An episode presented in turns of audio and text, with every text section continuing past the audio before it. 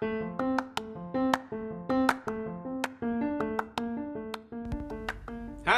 selamat datang di podcast Dosa. Doni Dan dan, Melisa. Nah, welcome back bersama kami. Halo, halo. Ini sudah di episode kedua. Dan di episode ini kita akan membahas mengenai awal pacaran. Jeng jeng. Gak ada backsoundnya bikin sendiri ya? iya. Nah, eh, kemarin kan kita udah bahas PDKT nih. Hmm. Dari yang awalnya kita long distance PDKT Mhm. berubah menjadi long distance relationship. Betul. Nah, sebenarnya yang mau diceritain di awal ini lebih ke arah ternyata ketika awal pacaran itu kita pasti akan ngerasa bukan kita. Kebetulan kita ngerasa PDKT ini waktunya juga tidak cukup ya. Mhm, mhm. Jadi enam bulan PDKT sendiri itu ngerasa kok kayaknya ketika pacaran ini berubah dan memulai semuanya lagi dari, Dari nol. awal, Iya betul. di mana yang tadinya nih pas PDKT kita jaim-jaiman kita mostly akan lebih mengeluarkan semua sisi baiknya aja Iya, betul. Jadi topeng-topeng yang bagus-bagusnya Iya. aja gitu ya. biasanya pas PDKT ini terutama nggak tahu gue merasa cowok pasti akan lebih sabar Emang iya ya? Iya. karena ya kita mau mancing nih masa kita nggak memberikan Kesabaran umpan gitu yang ya. baik gitu Dan loh. kesabaran yang Ah. baik ya. Masa nggak mau nunggu tuh ikan Iya kan? betul. Sedangkan kalau udah dapet lempar masukin freezer. Oh gitu. Makasih ya, Dan. Udah kita selesaiin aja podcastnya. Oke nggak itu bercanda sih. Cuma mah maksudnya gini, ketika PDKT kita pasti akan sabar-sabarin lah. Aduh nih dia punya kekurangan ini, dia punya kekurangan itu. Itu perlu kita uh, analisis satu persatu. mungkin bukan kekurangan kali ya karena kan pas PDKT kita eh, ngerasanya kita akan mengeluarkan sisi terbaik kita Hmm. mungkin lebih ke arah eh, apa namanya kok dia nggak sesuai dengan ekspektasi gue maksudnya lebih ke arah kayak Ya. harusnya kan dia balas chatnya cepet nih kok dia nggak Hmm, sih kayak ada, gitu ada, ya kan nah, betul betul. Nah sebenarnya dari sini kita itu akan melihat dia itu cocok sama kita atau enggak. Mm-mm, Terus dia bisa dijadikan pasangan kita atau enggak. mm-mm. Nah kalau misalnya ada yang nanya "Hmm, nyari pasangan yang cocok itu gimana sih? Nah inilah tujuannya PDKT pertama. Mm, betul Lalu misalnya habis PDKT kalian pacaran, masa awal pacaran ini ada orang yang bilang tiga tahun atau dua tahun pertama ini adalah PDKT ulang. oke Mhm, Jadi kalian tetap akan melihat nih orang cocok atau tidak dari waktu.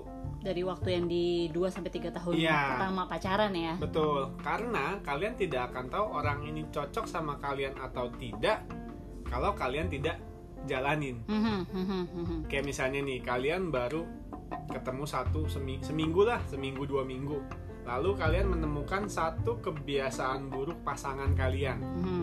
Contoh kita ngomong mandi sehari sekali.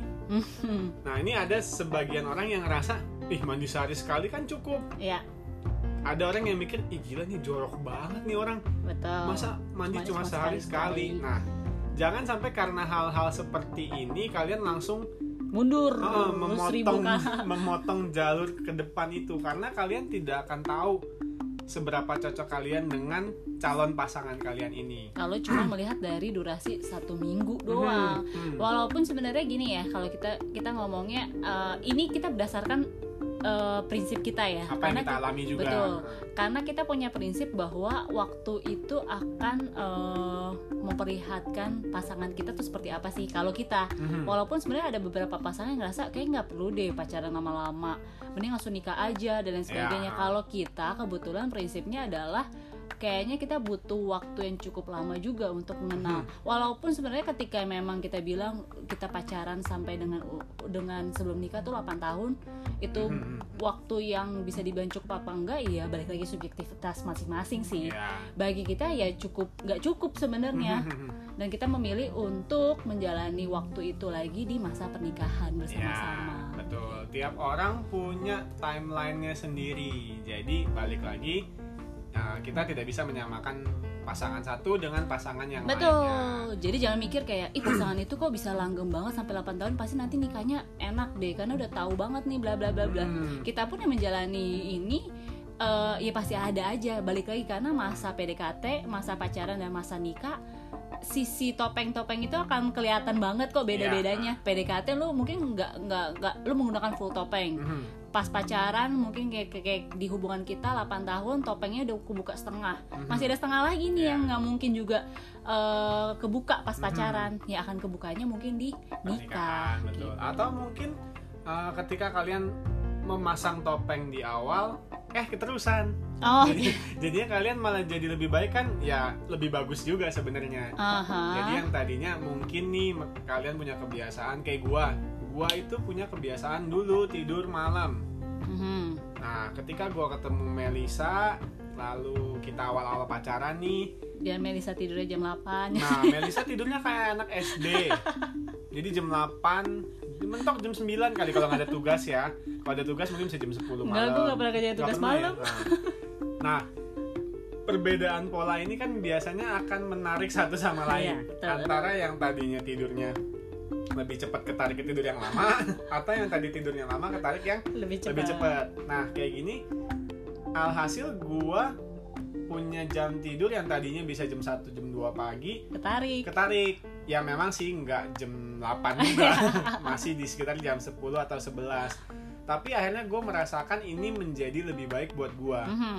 Jadi kebiasaan ini gua terapkan terus sampai sekarang. Nah, bahkan sekarang kebalik Hmm, kadang saya. bisa jam 8 tuh udah ngantuk Udah gitu. kayak bayi besar Eh, ya itu itu karena eh, adjustment yang kita alami di awal-awal. Nah ini pentingnya pacaran sih bagi kita. Mhm. Jadi kita mengenal pasangan dan beradaptasi Ya. dengan baik kebiasaan, value, mengenali sifat pasangan dan kepribadian pasangan itu penting banget pas kita menjalani di masa-masa pacaran ini. Hmm, karena ya proses itu kan kalian jalani setiap hari dan tidak akan pernah berhenti. Mm-mm, Namanya manusia pasti akan dinamis sekali ya. betul. Dia pasti akan mempelajari ini, mempelajari itu segala macam. Kita setiap hari pasti akan improve diri kita dan ke pasangan kita. Betul. Itu dia tujuan kita berpacaran sebenarnya. Nah, eh, yang diadaptasiin di awal itu biasanya apa sih? Mhm, apa aja tuh Kalau coba? kayak gua waktu awal-awal ya, itu lebih ke arah intensitas chat. Oke. Nah, intensitas chat mungkin yang tadinya pas PDKT kan ya ada ada selang-selingnya, maksudnya eh, sempet ada off-nya. Maksudnya sanksinya apa? Bu- Ada wanita lain maksudnya? bukan bukan ini bu- kita ngomongin tidak ngomongin wanita lain ya ini gua serius dengan Melisa loh makanya gue nikah Heeh, j- jadi karena apa? Karena apa? Karena pas dari awal karena dari awal sendiri gue memang sudah mungkin punya komitmen kali ya punya komitmen ke diri sendiri kalau Melisa akan jadi yang terakhir buat gue Iya. tapi itu yang terjadi kan? tapi itu yang terjadi sih ya. Jadi mau nggak mau gue sekarang terpaksa sih. Itu. No no no no. Itu itu bercanda ya. Kamu nggak ada lanjutan podcastnya dong dong. oh iya benar juga. Oke tadi itu anggap nggak ada ya. Nah, nah tadi apa mana? Sampai chat. Oh gini. Gue di kita di awal-awal ya itu tidak menggunakan aku kamu. Ini kita balik lagi ke podcast pertama itu. Iya betul. Pas- Jadi pas- pas kata-kata yang kemarin kalau teman-teman belum nonton nonton dulu ya. Eh bukan nonton, dengerin dengerin dulu Ya. di podcast pertama kita supaya tahu dan bisa bisa catch up sama apa yang kita maksud nih. ya betul Iya. karena for six month pacaran itu tidak ada kata-kata aku kamu dari Melisa dari gue sih banyak Namanya mancing. Udah Iya. jangan banyak-banyak nanti Mantap. mereka nggak mau Nah. dengerin di podcast Ya. itu. Jadi masih ada po- apa pola yang sebelumnya di PDKT masih berlanjut nih pas awal pacaran. Walaupun udah ada status pacaran ya. Terus uh, abis kita ngomongin intensitas chat, oh ini ini poin penting dalam pacaran yaitu kejujuran. Mhm. Nah, Ntar dulu sebelum masuk kejujuran, jadi intensitas chatnya berubah nih pas PDKT ke pacaran. Ya lebih lebih sering sih pastinya. Lebih intens. lebih dan intens. lebih ya saling ngabarin. Kalau Ya. dulunya mungkin nggak ada tanggung jawab untuk saling ngabarin. Kalau pas pacaran kayaknya punya tanggung jawab untuk saling ngabarin. Mhm. supaya apa? Supaya ada keterbukaan di hubungan gak sih sebenarnya? Dan Ya. tidak meminimalisir terjadinya kesalahpahaman. Mm, karena chat ini bagian dari komunikasi, terutama karena kita long distance relationship itu, itu yang membuat kita juga harus punya komunikasi yang baik. Betul. Even kita jauh, kita harus tahu dia lagi ngapain, gua lagi ngapain. dia lagi ngapain sedang ngapain sama siapa Ya, makan sama siapa, apa makan apa, di mana, itu segala macam lah. siapa meh Iya, ya mungkin lebih lebih kurang kayak satpam. Intinya di awal-awal ini kalian lebih lebih belajar untuk bagaimana kalian mengetahui habit dari pasangan. pasangan juga. karena pas PDKT kayaknya nggak bakal ada eh, kepikiran untuk mau mengetahui habit gak sih Ah. cuman kepikiran pokoknya kita harus memberikan impresi yang baik buat si lawan jenis Ya bahkan dulu pas gua mungkin awal enam bulan pertama nggak sampai nulisin jadwal kuliah sih. Mungkin mulai semester ke 4 berarti itu kita bulan ketujuan ya. Pokoknya setengah tahun kedua. iya Nah setengah tahun kedua kita itu lebih ke gua ya. Gua nulisin jadwal kuliahnya Melisa. gila itu gue baru tahu sumpah sumpah kan dulu gua sering nanyain lu jadwal lu gimana. gue ya kemarin ke kepikiran cuman kayak oh dia mau tahu doang Ya, nah itu gua mencatatkan supaya buat apa ya Ah, ya kita bisa tahu ini bisa diganggunya kapan. ya allah ya Ya gue agak-agak freak berarti ya. Iya, enggak sih, enggak sih. Ya itu kan balik lagi eh, preferensi selama Ya. gua aja waktu itu nggak ngerasa terganggu ya nggak apa-apa. Nah, ya itu sebenarnya tips and trick buat cowok yang memang saya lagi kuliah nih. Kalian kan nggak mungkin chatting pas lagi uh, masa kuliah, Hmm. kecuali ya memang kalian di chatting duluan sama pasangan yang lagi kuliah, berarti dia lagi bosen kuliahnya. Ya udah, ikutin aja. Masalahnya gue selalu nerima chat lo pas lu kuliah, berarti lu bosen mulu Oh kuliah. iya. Oke, lanjutnya adalah kita ngomongin value kejujuran. Kejujuran. Jadi yang Nah. pertama tadi intensitas pasti ada perubahan dan adaptasi. Yang Hmm. kedua adalah value kejujuran. kejujuran. Nah, kejujuran ini setiap orang punya toleransinya yang berbeda-beda. Betul. Kayak kalian pasti punya peer group. Peer groupnya ini pasti punya patternnya masing-masing. Maksudnya setiap orang punya. Ada yang misalnya nih gini, eh, dia nggak ngabarin dia kuliah, itu nggak masalah. Tapi ada yang menganggap lu tidak ngabarin satu detik pun itu akan jadi ketidakjujuran yang luar biasa. Mhm. Jadi ini inilah saatnya kalian beradaptasi. Betul. Nah, di sini kalian komunikasikan gimana sih enaknya satu sama lain. Nah, kebetulan di sini gue punya toleransi kejujuran yang tidak Tinggi. setinggi Melisa. Loh, toleransi lu ketinggi. Toleransi kejujuran. tinggi. Eh. Kalau semakin tinggi toleransinya, semakin lu bisa bohong kan? Eh, iya sih. Oh iya, benar benar benar benar Gue ya. jadi bingung. Oke, ternyata Melisa yang benar. Ya, tapi Melisa punya toleransi yang rendah. Iya, untuk kejujuran. Karena Hmm. prinsipnya dalam hubungan poin pertama dari gue adalah kejujuran itu paling awal. Hmm. Kalau Doni kayaknya pas gue mendalami kejujuran eh kejujuran value dalam hubungan dia itu kebebasan sih. Aha. Jadi dia suka explore, dia suka nggak suka di dilarang-larang. Kalau dilarang dia bakal marah, bakal kritik, bakal ngacuin kita. Juga- Padahal sebenarnya yang ngelakuin itu semua si Doni. Iya. iya juga ya benar juga. Iya, Doni Gue ngerasa gue bodoh sih. Doni yang ngekang, Doni Iya. yang kritik, Doni yang marah. Iya juga ya. Don. Ya itulah itu namanya eh, dukun gue waktu itu lumayan oke sih.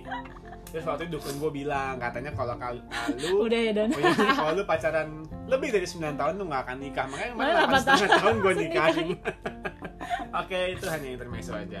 Jangan dianggap serius ya. nah itu tadi. Nah kejujuran ini penting didiskusikan. Sebenarnya sih baiknya ya gue juga setelah mempelajari bagaimana Melisa punya prinsip ya gue setuju dengan prinsipnya dia sih. Intinya adalah kejujuran ini adalah hal yang paling penting dalam hubungan. Mhm. Intinya kalian harus terbuka, kalian mau ngapain, kalian mau ke mana sama siapa itu perlu sekali untuk dijelaskan betul kalau di pengalaman kita sih kebetulan kita bisa adaptasi value ini karena uh, ada kejadian lah ibaratnya ada Mhm. kejadian yang akhirnya kita jadi paham oh si Melisa tuh punya value kejujuran yang sangat tinggi Mhm. walaupun memang mungkin udah pernah diomongin tapi kayak ya itu cuma sekelibat doang kedengeran Ya. tapi pas ada kejadian der gitu baru Hmm. tahu oh ya dia dia tuh orangnya sangat menekankan kejujuran Ya. gitu dan dan di posisinya gue waktu itu sebagai pasangan kayak kesel pasti kesel. Cuman akhirnya kita jadi pahamin juga apa yang membuat dia mengalami atau me- me- membuat membuat dia punya toleransi yang cukup besar terkait dengan kejujuran. Tadi ada pengalaman masa lalunya dia. Ya.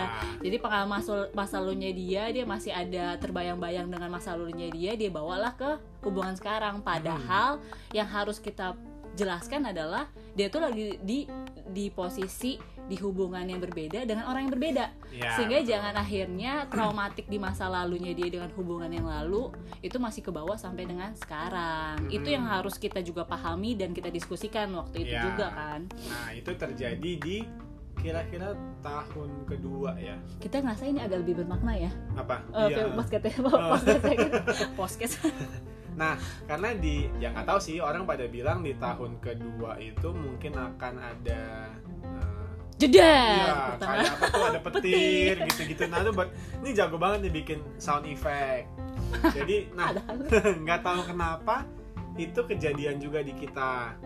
Nah, di tahun kedua itu ada ya, yang tadi si Melisa udah bilang, ada satu kejadian yang akhirnya membuat kita kayak rekonstruk ulang Mhm. bagaimana kita beranggapan satu sama lain betul di sini kita bener-bener uh, kayak mulai dari nol lagi sih di tahun kedua ini sampai yang bener-bener wah udah kayak ngeriset banget lah. Mhm. Nah. karena ada kejadian yang Mm, itu kan. Keja- kejadian yang itu yang membuat kita ya akhirnya belajar lebih banyak sebenarnya. Betul betul. Nah beruntungnya gua punya pasangan yang mau sama-sama mungkin mau ini Melisa lagi senyum-senyum Oh, iya. gitu ya. Biar kalian tahu mukanya kayak apa.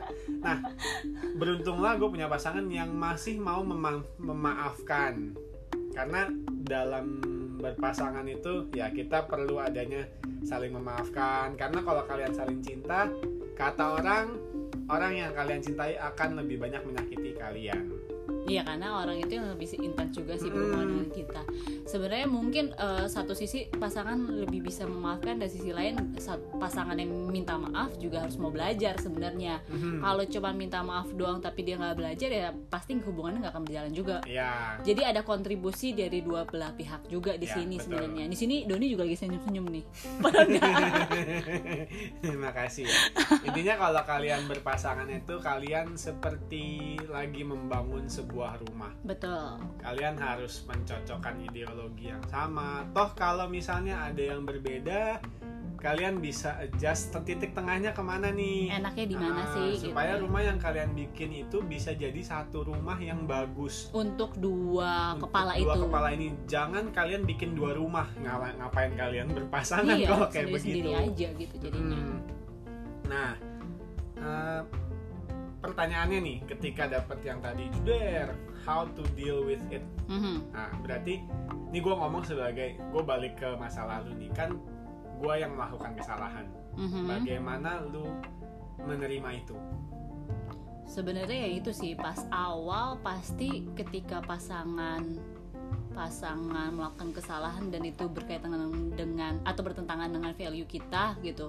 Pasti ada ada rasa kecewa. Hmm, lalu ada perasaan eh, kalaupun udah dimaafin pasti ada kepikiran bahwa nanti dia ngelakuin hal yang serupa lagi nggak ya? Pasti Ya. ada keraguan-keraguan kayak hmm, gitu dan akhirnya sebenarnya yang yang kita bisa lihat ya lebih ke realitanya sih apakah sebenarnya pasangan masih dengan kondisi yang kayak dulu maksudnya dia tetap tuh bohongin dan lain sebagainya hmm. atau ya dia ada perubahan ada improvement tukang bohong. ada ada improvement yang dilakukan Oke. jadi lebih ngelihat di kondisi saat ini sih kayak oh ya Hmm. dia tuh ada perubahan kok di sisi ini di sisi itu dia juga udah mulai mau memahami kalau value yang gua anut tuh seperti apa sih dia Ya. juga menerima dan meyakini bahwa itu sebenarnya itu benar gitu buat Mhm. hubungan kita sebenarnya tujuannya adalah untuk membangun hubungan kita ke arah yang lebih baik juga Ya. itu yang jadinya s- eh, message itu bisa diterima sama si Doni iya sering berjalan waktu ya itu jadi kelupaan juga sih walaupun nggak kalau misalkan dibilang lupa banget ya 100% enggak ya. Cuman Eh, ya ketika iya iya. Jangan liatin kayak gitu dong. Tapi maksudnya bedanya adalah ketika di kondisi saat itu pasti emosi negatif yang muncul. Marah kesel kesel kecewa. Kalau sekarang udah bisa dibawa ketawa kan. Hmm, ya karena ternyata kayak dia udah ada improvement juga. Ngapain gue mikirin di masa lalu itu terus menerus? Toh sekarang kebaikannya dia improvementnya dia jadi gue nggak lihat kalau gue masih ngeliat ke hal itu terus. Ya, nah kalau dari lu gimana cara lu akhirnya bisa meyakinkan bahwa sebenarnya iya gue udah berubah dan gue meyakini value itu tepat buat hubungan kita Nah, ada satu peribahasa yang gue pelajari Eh, baru lihat di Google ya Ah, namanya time will be the witness. Oke. Wih. Nah, biarkan waktu yang menjadi bukti. Karena kalau kalian cuma minta maaf, kalian cuma ngomong tiap ah, tiap jam, tiap detik, maafin gue, maafin gue, itu tidak akan berguna sama sekali. Mhm, Kalau kalian tidak merubah apa yang tadinya salah menjadi benar. mhm. Nah, kalian perlu jalani ini hari demi hari, minggu demi minggu, bulan demi bulan karena uh, dealing with it yang tadi gua tanyain ke Melisa ini kita jalanin tidak sebentar. Mhm. Bisa dibilang mungkin ada ti- tiga bulanan lah itu uh, kita pacaran dengan kondisi healing satu sama lain. Iya jadi pas kejadian itu kalau jujur dari pihak gue sendiri ngerasanya kayak tiba-tiba langs- langsung kayak mati rasa Mhm. karena kan itu bertentangan banget kan sama sama sama value dan gak pernah mendapatkan pengalaman yang eh, bertentangan banget kayak gitu jadi kayak dapet tuh kayak langsung mati rasa walaupun kita jalan 2 tahun ya Iya. Maksudnya dua tahun itu pasti ada momen-momen indahnya juga Iya. tapi tiba-tiba sekelibat karena kejadian itu langsung mati rasa walaupun waktu itu gue inget banget eh, wa- satu minggu setelahnya Doni pulang dia ngajakin kita buat kayak ngelayan anniversary Monthversary. Month- iya. Dulu tiap bulan kayak ini loh. Main monthversary. Doni ngitungin 28, 29, 100 banyak banget Doni bahkan sampai ngitungin harinya. Bucin banget ya dia. Gila, bucin banget ya. ya harinya kalau bisa detik sama jamnya 100, 200, eh pernah kan 300 detiknya iya. juga Oh enggak sih. Jam-jam pernah kan Yang pasti enggak. Hari itu gue sempet ngitungin sampai 1000. seribuan benar jadi Sampai udah udah dan 2000 juga ya udah ya udah oke Iya. oke kita tahu lu bucin Ya sejati ya kok. ya. Oke, siap. jadi eh, waktu itu ngerasanya kayak ya mati rasa makanya si Doni bilang pas tiga bulan itu ya proses healing banget sih emang Hmm. kita ya riset bener-bener riset dari awal lagi hubungan kita dan kita mau jalannya ke arah mana sih jadi Iya. kayak ibaratnya lu lagi di terdampar ke satu laut terus lu Laut. lagi laut Oh, Oke. Kan di laut Iya, iya iya. dampar harus di pulau ya terdampar di pulau. ya tahu ini sih. gue di laut apa Oh, sih iya. Eh, gue suka begitu Oke. di laut nih ditaruh di sana nah lo kayak nggak tahu arah tuh pas tiga bulan itu kayak lo lagi mencari arah kita mau ke mana sih navigasinya keren gak gue Wih.